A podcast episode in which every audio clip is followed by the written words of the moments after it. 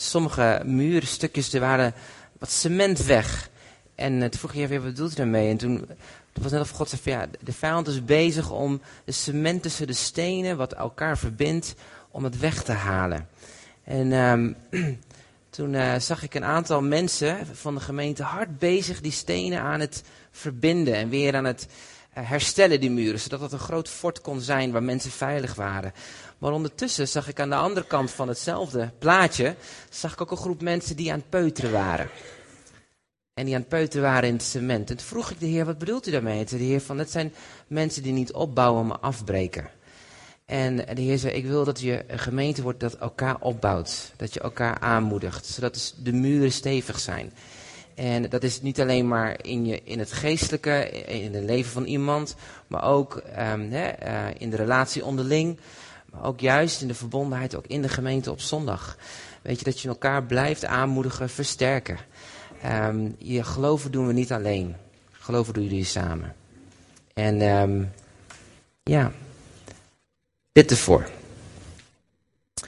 Goed, ik moest denken vanochtend aan uh, het verhaaltje wat ik las van een uh, schooljuffrouw. En uh, deze onderwijzeres die wilde op een ochtend wilde ze haar studenten leren, haar basisschoolkinderen wilde ze leren over zelfvertrouwen. En um, ze zei tegen haar klas, iedereen die denkt dat hij wel af en toe wel eens dom is of zich dom voelt, wil je dan alsjeblieft even op gaan staan. En ze dacht natuurlijk dat uh, niemand op zou staan. En dat ze op die manier natuurlijk haar punt kon duidelijk maken aan de hele klas. Dat niemand dom is. Maar goed, op een gegeven moment stond kleine Johnny stond op. En die juf was helemaal geschokt. Van, oh my goodness. Kleine jochie denkt vast dat hij dom is. En toen vroeg ze heel voorzichtig, hey Johnny, uh, denk je nou echt dat je dom bent? En toen zei Johnny, nee juf, maar ik vond het zo zielig dat je alleen stond. Daarom stond ik ook maar even op. Amen? Goed, laten we gaan beginnen. Ik wil je lezen uit uh, Lucas hoofdstuk 12, vers 34. En dat is een heel, hele simpele tekst, maar die kennen we al Um, wordt heel vaak over gesproken, maar daar wil ik toch vanochtend over hebben. En mijn thema vanochtend is ruimte maken voor God in je leven. Ruimte maken voor God. En de tekst wat er staat in Lucas hoofdstuk 12, vers 34, is één zinnetje wat ik eruit wil halen. En dat is, waar je hart is, daar is andersom, waar je schat is, daar zal ook je hart zijn. Waar je schat is, daar zal ook je hart zijn.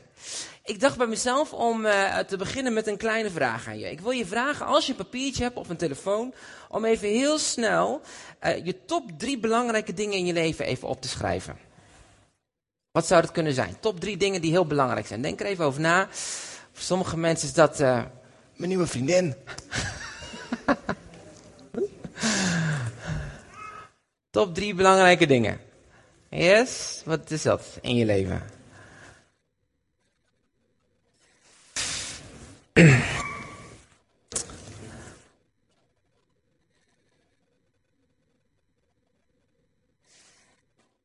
Oké, heb je een beetje een lijstje gecreëerd in je hoofd of op je telefoon?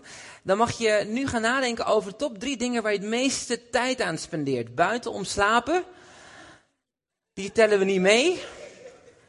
En werk, oké, dat is een beetje in het midden, maar dan mag je wel even houden. Dus top drie dingen waar je het meeste tijd aan spendeert. Waar spendeer je nou heel veel tijd aan?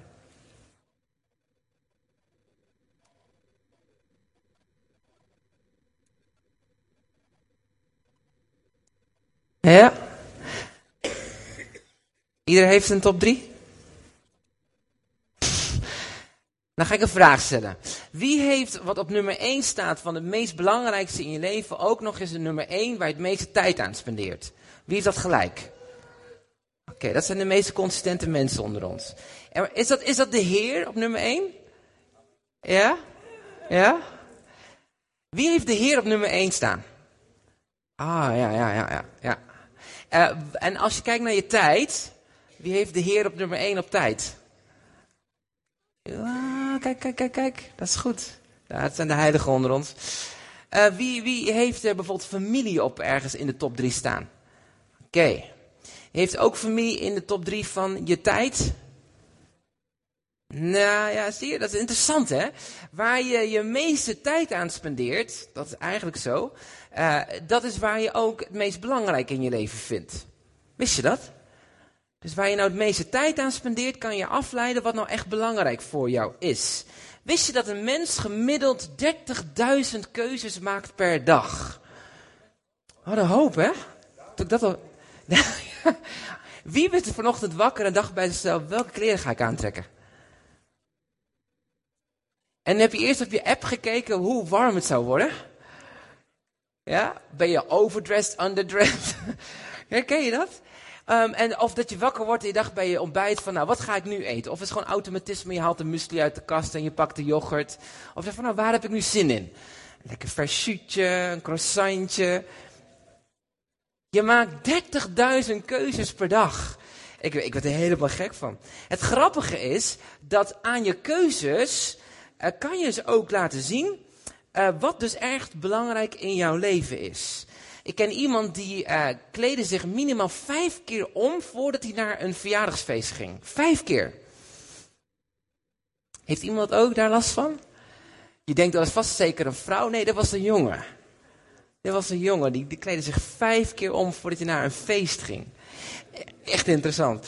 Um, en de vraag is, waarom zou je jezelf vijf keer omkleden om dan vervolgens naar een feest te gaan. Sommige mensen doen het heel slim. Die gaan niet natuurlijk uh, vijf keer kleding passen, maar die denken al een hele week over na wat ze dan gaan aantrekken. Die heb je er ook bij. Die zijn heel gepland, maar doen gewoon stapje voor stapje. Denk ik, oh ja, dat is ook nog wel. Dat vind ik leuk. Oh, dit kan ik misschien aantrekken. Die gaan al kijken in de was. Is het wel schoon? Dan gaat nog even speciaal wassen. Sommige mensen zijn heel berekend. Die doen het op die manier. En weer andere mensen zijn impulsief. Die gaan voor de kledingkast staan, trekken alles uit de kast en vervolgens trekken ze het aan. Waarom zou je nou de beste outfit willen dragen op een verjaardagsfeestje? Alle keuzes die je maakt, vertelt iets over wat jij en ik belangrijk vinden in het leven. Amen? Waar we ons geld aan spenderen, waar we onze tijd aan spenderen, met wie we omgaan, welke keuzes we maken in het leven, bepaalt heel erg wat we belangrijk vinden. Ik heb ooit wel eens iemand gehoord die zegt van, nou, ik vind het zo belangrijk dat ik een aantal kilo afval. Maar ondertussen ging hij elke keer naar de McDonald's. Wat is dan echt belangrijk in je leven? De Bijbel zegt waar je schat is, daar is je hart. Dat is zo bekend en daar spreken we ook heel vaak over. Want het spreekt heel erg over ruimte voor wat je koestert. Het spreekt over tijd voor wat de dingen die je wilt. Het spreekt over de prioriteiten die in jouw leven zijn. Het spreekt over wat je belangrijk vindt en hoe je daar je leven op inricht. En de vraag natuurlijk is van, ja, wat maakt nou iets belangrijk? En ik heb ontdekt dat er eigenlijk drie dingen zijn die bepalen de waarde van dingen in ons leven. En de eerste is gewoon domweg wat we zien in onze omgeving. Wat we denken, wat anderen verwachten van ons om aan te voldoen. Of waar we denken van, hé, hey, dit wordt op ons gelegd, of dit moeten we aan voldoen. De verwachtingen van buitenaf. Het tweede is wat je zelf heel erg belangrijk vindt. En de derde is iets heel simpels, namelijk hoe God over dingen denkt. En de Bijbel spreekt ook heel duidelijk over Gods gedachten over ons. En dat hij ook een verlangen heeft dat we begrijpen wat hij van waarde vindt. Zodat wij mogen leven in die waarde die hij heeft voor ons. En dat we daarin verbondenheid en ook vervulling mogen ervaren in ons leven. De kernvraag van ons allemaal in het geestelijk geloof gaat eigenlijk maar om één ding. Waar geef je prioriteit aan? Wat maakt dat je Gods wil wil doen? Of niet? naar wie wil je luisteren? Waar maak je ruimte voor in je hart? Wat is ruimte? Waar maak je ruimte voor? De Bijbel spreekt over een verhaal van een jonge prins. En deze gast die, uh, was een aardige, uh, ja, hij kwam van, uh, van adellijk bloed af. En hij werd met zijn vrienden werd hij in balling gebracht naar een ander land om een ander volk en een andere koning te dienen. En deze jonge man was na Daniel. En Daniel werd uh, gedwongen afstand te nemen van zijn, heel, van zijn geloof en de cultuur en de wetten um, die dat met zich meebracht. En te gaan luisteren naar de wetten van deze koning die niet dezelfde geloof aanhing. Drie keer werd er in zijn leven iets gevraagd om zich aan te passen. En in twee gevallen zei hij ja. In het derde geval zei hij nee. Het eerste was dat hij zei nee tegen, of ja tegen was de onderwijs en training. Hij zei, oké, de koning verlangt dat we onderwijs krijgen, dat we getraind worden. Prima, ik ga erin mee. Vervolgens werd er van hem gevraagd om zijn naam te veranderen. Hij zei, oké, als de koning dat wil, dan verandert mijn naam ook. En de laatste keer dat de koning, of de koning vroeg tot laatste, ik wil dat je gaat eten van mijn tafel en mijn wetten en mijn spijzen. Alles wat daar ligt, ik wil dat je daarvan gaat eten. En toen zei Daniel, nee, ik pas me niet aan. Twee keer aanpassen, één keer niet aanpassen. Hij maakte een keuze. Waarom maakte hij die keuze? Wat was belangrijk? Nou, Daniel had namelijk één duidelijk prioriteit in zijn leven. En dat was namelijk dat zijn geloof stond centraal. Hij had gekozen om God te dienen. En de Bijbel zegt over dat hij met zijn hele leven, zijn hele passie, um, zijn hart, zijn leven koos zo in te richten om het te leven wat God vreugde zou brengen. En het eten van de koninklijke spijs raakte zijn geloof aan de essentie. Hij zei, dat, als ik dat ga eten, dan, dan verontreinig ik mezelf. Dat is wat letterlijk is. Hij, nam zich voor zich niet te verontreinigen van het eten van de koning. Daniel had gekozen om zich aan te passen aan God. En niet zich aan te passen aan de cultuur van de wereld waarin hij stond. Romeinen 12, vers 2 zegt iets heel moois. In de andere vertaling staat: Don't let society squeeze you in its mold. Laat de samenleving je niet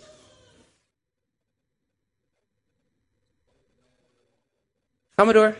Drukken, beïnvloeden, vormen. Niet dat je aanpast aan zijn vorm. En dat is een heel interessante gedachte. In hoeverre vormt de maatschappij ons? Worden we gedwongen om ons aan te passen aan de vorm die de maatschappij op ons legt? God schiep jou niet om gewoon te zijn, maar om buitengewoon te zijn. Hè? Dat weten we. En um, dat klinkt altijd een soort superhero-achtig iets, maar dat is het niet. Het is, je bent niet van jezelf. Je bent van de Heer. Je bent zijn kind.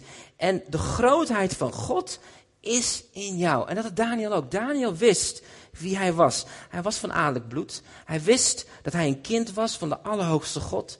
En op diezelfde manier mag je jezelf ook gaan herinneren. Ik ben een kind van God. Ik ben geschapen om buitengewoon te zijn. Een kind van Hem. En de grootheid van God is in mij. Is in mij. Gods grootheid is in jou. En daarom hoef je niet gesqueezed, samengeknepen, geperst, gevormd in dat beeld wat de maatschappij heeft over hoe je een goed mens kan zijn. Het tweede was dat Daniel wist waar hij bij hoorde. Daniel wist dat hij niet hoorde bij de Mede en Persen. Nee, hij was een Israëliet. Hij hoorde bij het volk van God. Hij wist, ik leef in een wereld, maar ik ben niet van deze wereld. En hetzelfde wat Jezus ook tegen ons zegt in Johannes 15. Jij en ik, wij zijn in de wereld, maar niet van deze wereld. Want God heeft jou weggeroepen uit de wereld, uit die maatschappij, uit de grip van de maatschappij. En je gebracht in de vrijheid met Hem. Om te leven als die, dat buitengewone kind van God.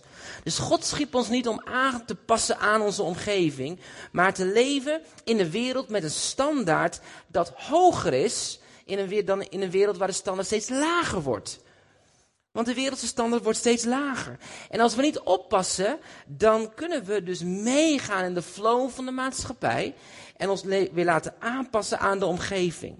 En wanneer we dus denken dat we het wel kunnen, en dat het allemaal wel makkelijk is, als christen redden we het wel, dan moeten we eigenlijk meest op gaan passen. Dan kan de maatschappij zijn maatstaf op ons leggen en worden we beïnvloed. En weet je, op het moment dat we het denken van de maatschappij in ons leven toestaan, wat gebeurt er dan? Dan belemmert het de manier waarop God in ons leven kan werken. Ik uh, hoorde van een haal van een vader die zijn zoon uh, op een gegeven moment een keer binnenkwam en zijn zoon een bepaalde film zag kijken. En die vader vroeg aan die zoon van, joh, hé, hey, waar ben je nou aan het kijken? En de zoon zei, ach pap, joh, het is allemaal niet zo erg pap. Als je nou het vloeken een beetje weghaalt en uh, dat overmatig geweld, als je daar nou niet naar kijkt, en ja, ach, die scènes, weet je, die seksscènes, ah, dat, moet je, dat moet je maar als educatief zien.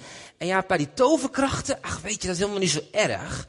Weet je, want er is, gaat over goed en kwaad. Ja, en als je dat allemaal weghaalt, dan zie je er misschien wel Jezus in. Sommige mensen hoor ik al denken, ah ja John, Modern Family, dat is toch een hartstikke leuke serie, kan je om lachen, dat is best wel grappig. Ach, en Temptation Island, ach, dat is helemaal niet zo Temptation-achtig, weet je, je kan gewoon rustig kijken. Dat is toch, gaat om relatieproblematiek en al die dingen meer. En, ach, weet je, ik kan wel niet erg dat ik een beetje drink, of dat ik af en toe een gokje plaats, of... Ik heb ook een boeddha in mijn tuin. Ik hoorde laatst ook een lieve zus, die had uh, erg last van hoofdpijn. Toen kwamen we bij haar thuis en we zaten er in de tuin, een boeddha. Ik nou, als je eerst dat ding weghaalt. Had ik nooit over nagedacht. Laat de maatschappij je niet squeezen. Weet je dat Satan is als een slang, hè, zegt de Bijbel. En in sommige vertalingen en handelingen spreekt over een slang die je wurgt. En die het leven uit je zuigt. Squeeze. En elke keer, op het moment dat hij zijn wurg om je heen plant, wordt het steeds sterker en sterker. Met als gevolg dat je bijna geen adem meer krijgt. En je afvraagt, heer, waar bent u dan? Maar het begint bij die simpele keuzes waar jij de regie loslaat over jouw leven. En de maatschappij de regie geeft in jouw leven. Weet je, herinner je het spreekwoord? Waar je mee omgaat, word je mee besmet. Dat is echt zo. Weet je, want zelfs al kan je er tegen, jij en ik, we zijn geen Captain America of zo, hè? Die dan op een gegeven moment dan heel stoer alles, alle vijanden uit de kant ruimt en je eentje met zo'n mooi schild. Dat, zo zijn wij niet. Wij zijn gewoon mensen. En onze ogen, oren en ogen zijn de poorten naar onze ziel. En alles wat je daartoe staat, naar je ziel toe, laat iets achter van waarde. En wat van waarde achterlaat, dat bepaalt op een gegeven moment wat, gaat wat belangrijk gaat worden in jouw leven. En dat wat belangrijk voor je is, dat maakt dat je keuzes gaat maken. Dat wat bepaalt ook je toekomst in je leven. 40 jaar geleden, echtscheiding in de kerk, was not done. Ik zeg even heel zwart-wit. Even los van de gebrokenheid die in relaties zijn, in, in gezinnen. Was gewoon not done. Waren toen gelukkige, huwelijken gelukkiger? Weet ik niet. Ik denk dat er echt wel wat problematiek al toen al was.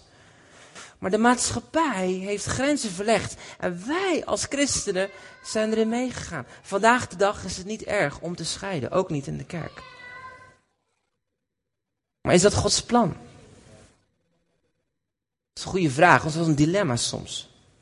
En tegelijkertijd geloof ik wel dat de waarde van wat het huwelijk is, dat God ontzettend zijn hart daarvoor klopt. En dat we opnieuw daarmee bewust van moeten. Heer, wat is uw waarde? Wat vindt u belangrijk?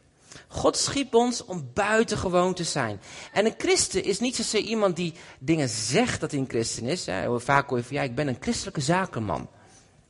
Alsof je dan een of ander heel geestelijk type bent of zo, die dan zaken doet of zo, of iets extra's hebt. Nee, je bent gewoon een christen, punt. En je doet gewoon zaken, klaar. Weet je, dat is gewoon, je bent gewoon een christen.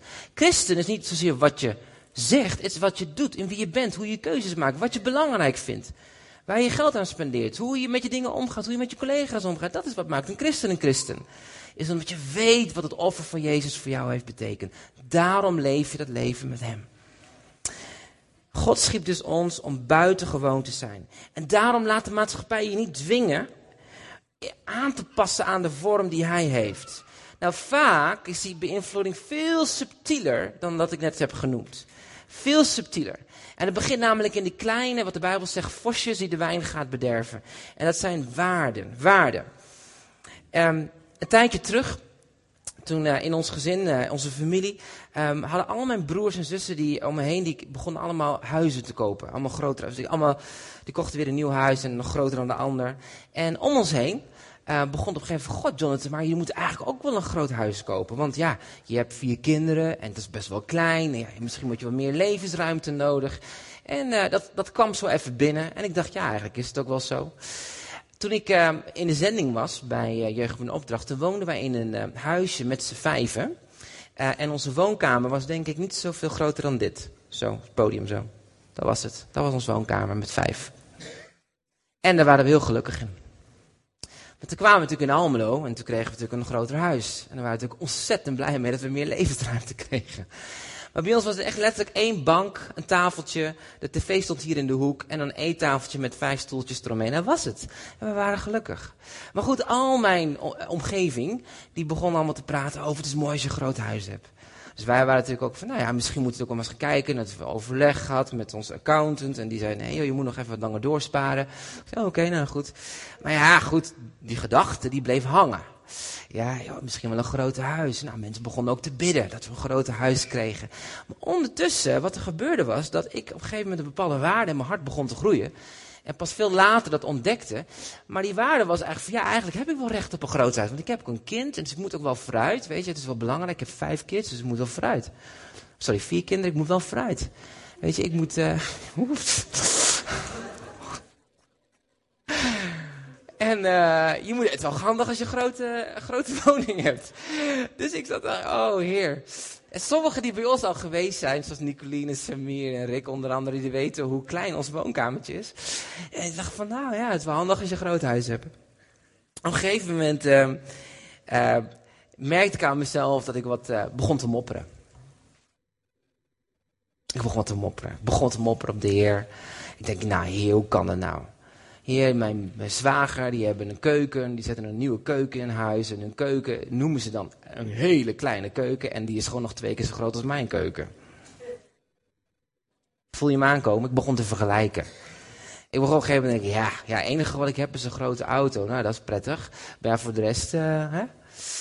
En zo begon ik te vergelijken. En het vergelijken leidde dat ik op een gegeven moment een beetje boos werd naar de Heer toe. En ook nog wel een beetje zagrijnig werd. Van, nou Heer, u bent toch God van voorziening? Hoe zit dat dan? Ik begon God te twijfelen. Te, te twijfelen aan de Heer. En ik ontdekte heel snel dat. ik liep er een beetje vast in mijn geloof. En toen dacht ik, ja, ja, wat is nou echt belangrijk? En ik moest terug naar de waarde. En wat een God zei van, John, vergelijken dood. Het vergelijken dood. Als je gaat vergelijken, dan doodt het je vreugde, dan doodt het je blijdschap, dan doodt het je vrede, dan doodt het alles in je. Wat ik je geef. Want ik ben een God of abundance en ik heb je voorziening gegeven. Is het dan niet genoeg? Was wel even een punt voor mezelf. En dat is precies waar het in de maatschappij om draait. We vergelijken. Want dankbaarheid en welzijn is gekoppeld aan wat wij bepalen wat geluk en vrede geeft. Moet ik hem herhalen? Dankbaarheid wordt gekoppeld aan wat wij bepalen wat ons geluk en welzijn geeft. Wist je dat zaadjes van ontmoediging en zaadjes van teleurstelling en zaadjes van twijfel nooit kunnen groeien in een hart van dankbaarheid. Amen.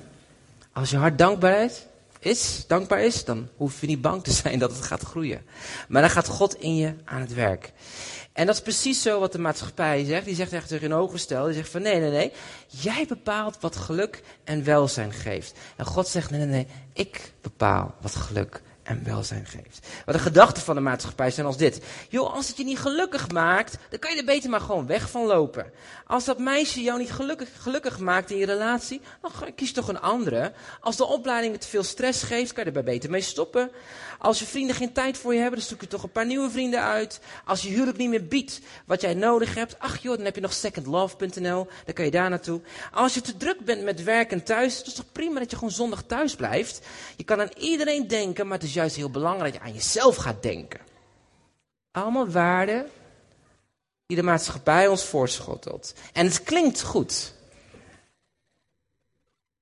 En een hele subtiele waarde die ook in de maatschappij fluistert is dit. Als het geloof jouw vrijheid geeft, waarom ga je dan naar een kerk toe dat jou vertelt hoe je moet leven? Kies je toch zelf? Een hele subtiele, hè?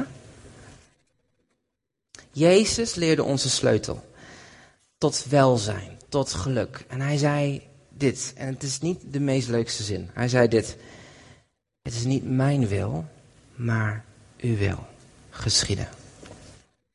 En hij zei, mijn grootste verlangen is om de wil te doen van God. Met andere woorden, Jezus welzijn en geluk was gekoppeld aan de vrijheid die hij vond in de gehoorzaamheid aan zijn vader. Denk daar eens over na. De vrijheid die hij vond in de gehoorzaamheid aan zijn vader. Dus dit vrijheid in gehoorzaamheid. Het aparte is dat het voor ons een contradictie is. Wat bepaalt vrijheid? Wat geeft vrijheid? Dat je alles zelf kan kiezen? Wat is vrijheid?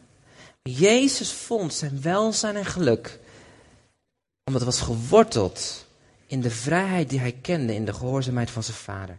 Paulus zegt het als volgt. Hij zegt, maar alle dingen waar ik zo trots op ben, wat voor mij van waarde was, vind ik waardeloos. En wat ze stonden, mij in de weg om bij Christus te komen. Ja, ik vind ze nu allemaal waardeloos, omdat niets is zo kostbaar als het leven, uh, oh sorry, als het kennen van Christus Jezus. Voor hem heb ik het allemaal als troep weggegooid om Christus te kunnen ontvangen. Hij zegt van, jongens, weet je, je moet ruimte maken in je hart om Christus te kennen. Ruimte maken in je hart. Dat betekent dat je de troep van wat jij waarde vindt, dat is eigenlijk troep, zegt hij, gooi het aan de kant voor hetgene wat waardevol is. En dat is het kennen van Christus. Paulus beschouwt het als rotzooi, als troep, als blokkade. En hij zegt, ik wil niet meer langer in datzelfde gedachtepatroon zitten. Ik wil juist gaan God kennen. En ik wil vrijkomen van hetgene wat belemmert om Hem te kennen. Maak ruimte in je hart.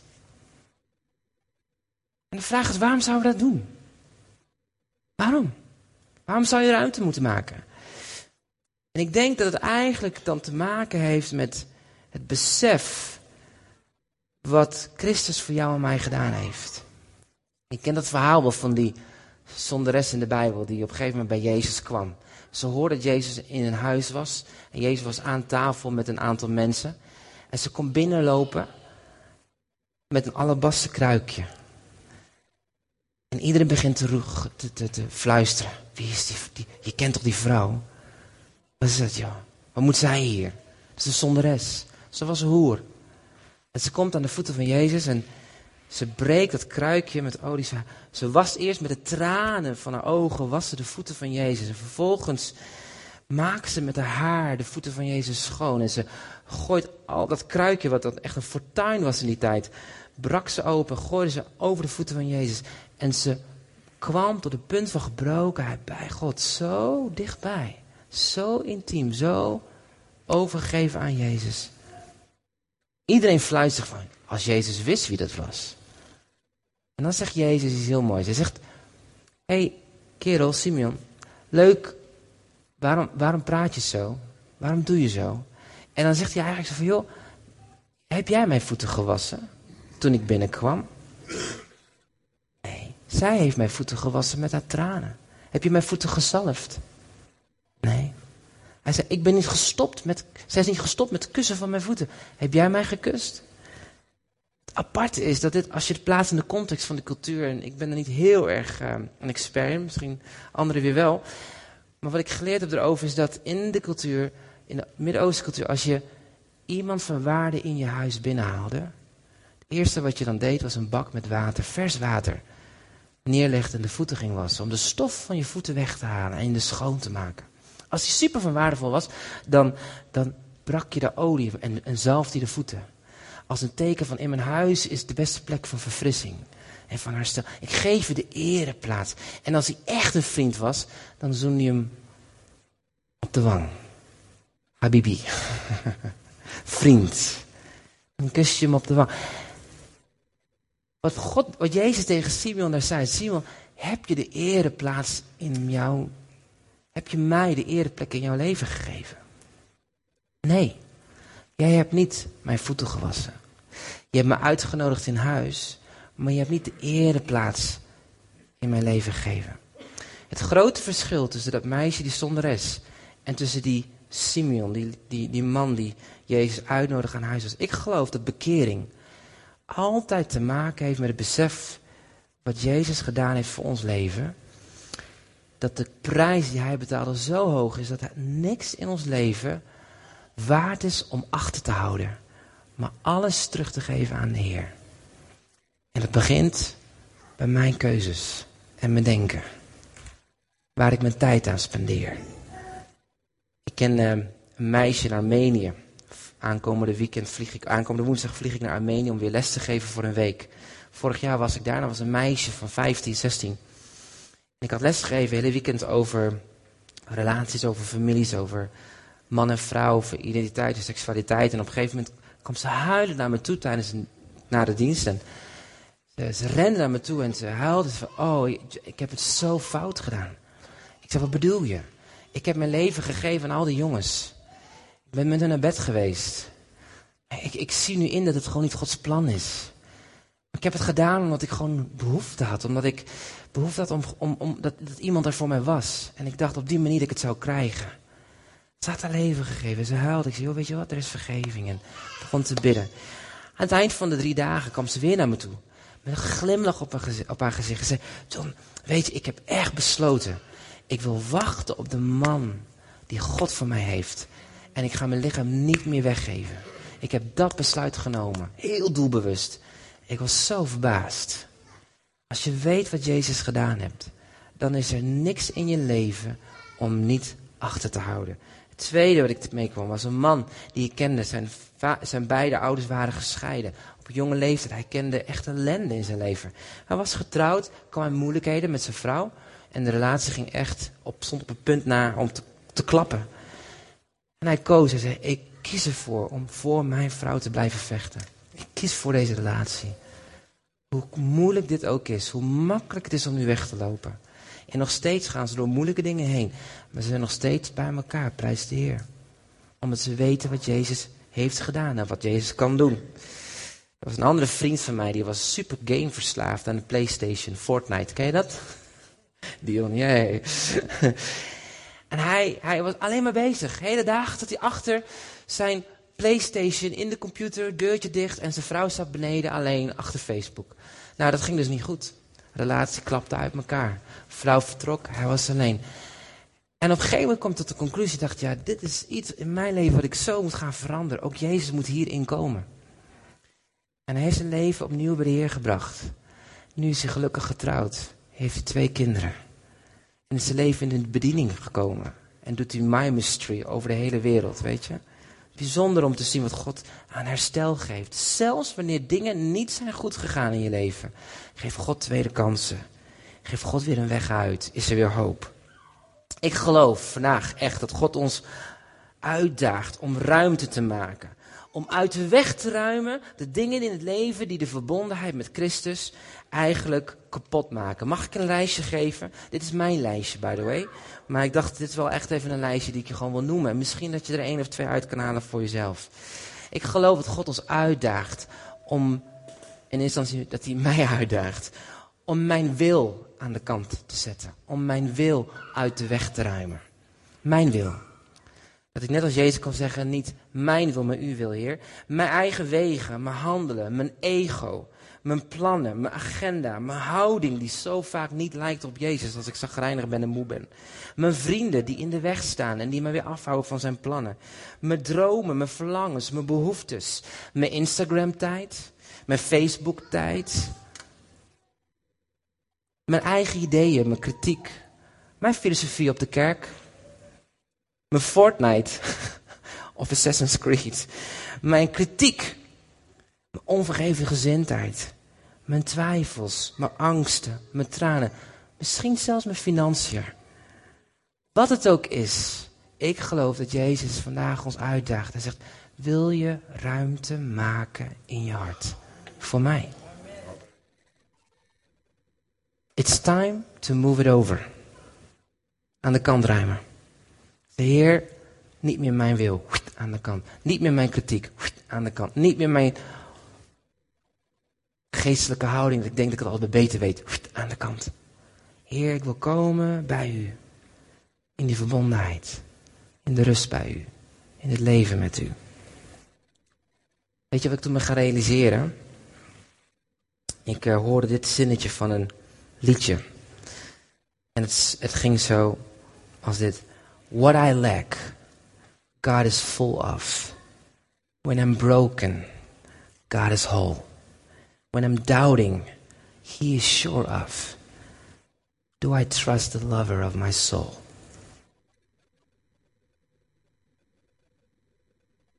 I trust the lover of my soul. Vaak houden we vast omdat we bang zijn dat God het niet kan vervullen. Of dat God niet in staat is. Of niet sterk genoeg is. Of dat wij alleen zouden kunnen komen te staan. En dat God er niet in zou kunnen werken. Maar ik geloof als we begrijpen dat wanneer ik gebrek heb, dat God er vol is. Dat Hij volledig is. Wanneer ik gebroken ben, dat Hij compleet is. Dat wanneer ik twijfel, dat Hij zekerheid is. En als ik dan bereid ben om datgene wat mij zo vasthoudt, los te laten in zijn aanwezigheid. En hem te vertrouwen als de liefhebber van mijn ziel. Dan weet ik zeker dat de vijand en de maatschappij ons niet squeezed naar het beeld wat zij denken. Maar dat mijn geluk en welzijn is in de gehoorzaamheid aan de Heer. Amen. Let's pray.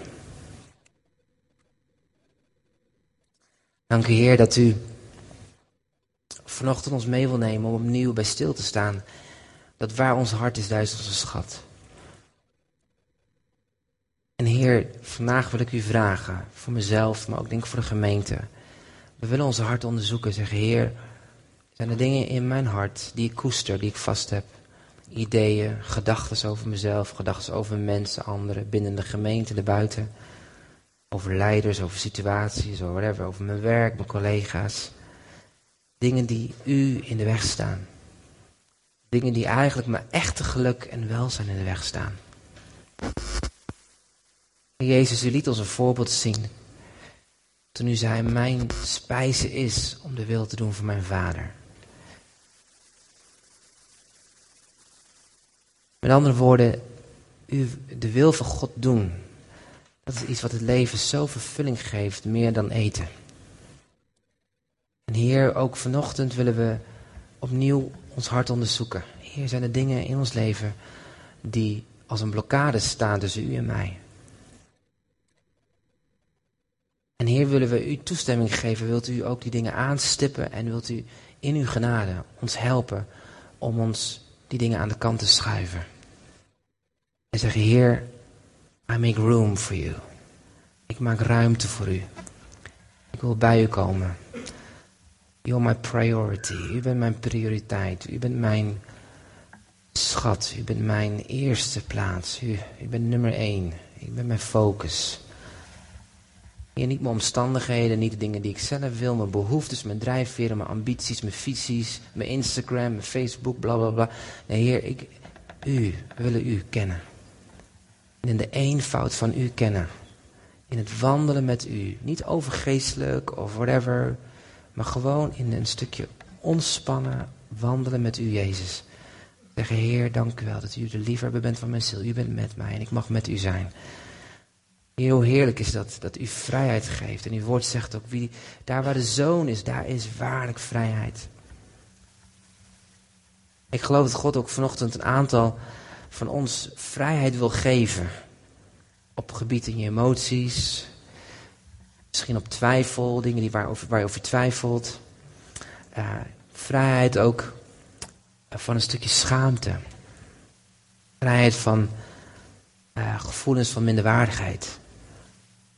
Vrijheid ook in gedachten die je koestert, die negatief zijn en die je eigenlijk onbewust meedraagt. Dat Jezus ik wil jou vrijzetten.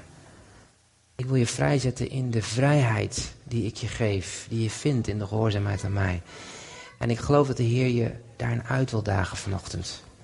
Om niet zomaar straks naar buiten te lopen, maar te komen voor het aangezicht van de Heer. En dat wat als blokkade in je leven zit, of wat misschien eigenlijk waar je aan vasthoudt, waar je eigenlijk misschien wel los moet gaan laten. Dat je die dingen vanochtend tijdens de aanbidding naar de Heer gaat brengen. En misschien zeggen we, John, ik heb eigenlijk wel een stapje meer nodig. Ik zou eigenlijk gebed nodig hebben. Want ik loop hier tegenaan en ik kom hier niet doorheen. Dan mag je straks ook gewoon komen naar het kruis en dan, dan gaan we ook gewoon voor je bidden. Dat God waarlijk vrijheid geeft. Maar dat je beseft dat je net als dat, die vrouw, weet je, die bij de voeten van Jezus kwam. Door jezelf te geven aan Jezus. Is niet alleen maar redding en herstel. Dat is de eerste stap. Maar de tweede stap is dat Hij Heer wordt van je leven. En dat Hij ook recht heeft op die ruimte. En Hij eist hem niet op. God eist dat niet. God, God, God dwingt dat niet af. Maar God wacht op je totdat je hem die ruimte geeft in vertrouwen aan hem. Zeg, Heer, wilt u mijn Heer zijn? Where I'm lacking, you are full of. Where I'm broken, you are whole. When I'm doubting, you are sure of. I want to trust the lover of my soul. Heer, ik wil u weer vertrouwen. In Jezus' naam. Laten we gewoon een moment nemen van aanbidding. En voel je vrij om te zitten, of als je wil staan, of of te knielen. En als je zegt van ja, ik heb echt meer gebed nodig. Dan mag je straks bij het kruis komen en de gebedsteam is er ook. Maar dan willen we gewoon bidden dat God die vrijheid geeft. En dat je straks als je naar huis gaat, voordat je Formule 1 gaat kijken vanmiddag. en je irriteert de Max Verstappen. Dat je gewoon eerst komt bij de Heer. Amen. Zijn prioriteit. Hij is onze prioriteit. Amen. We zullen als reactie op dit woord het lied uh, Vul het huis met uw glorie zingen. Maar laten we het niet alleen dit huis noemen, maar laten we de Heer bidden. Vul mijn hart met uw glorie. Oké?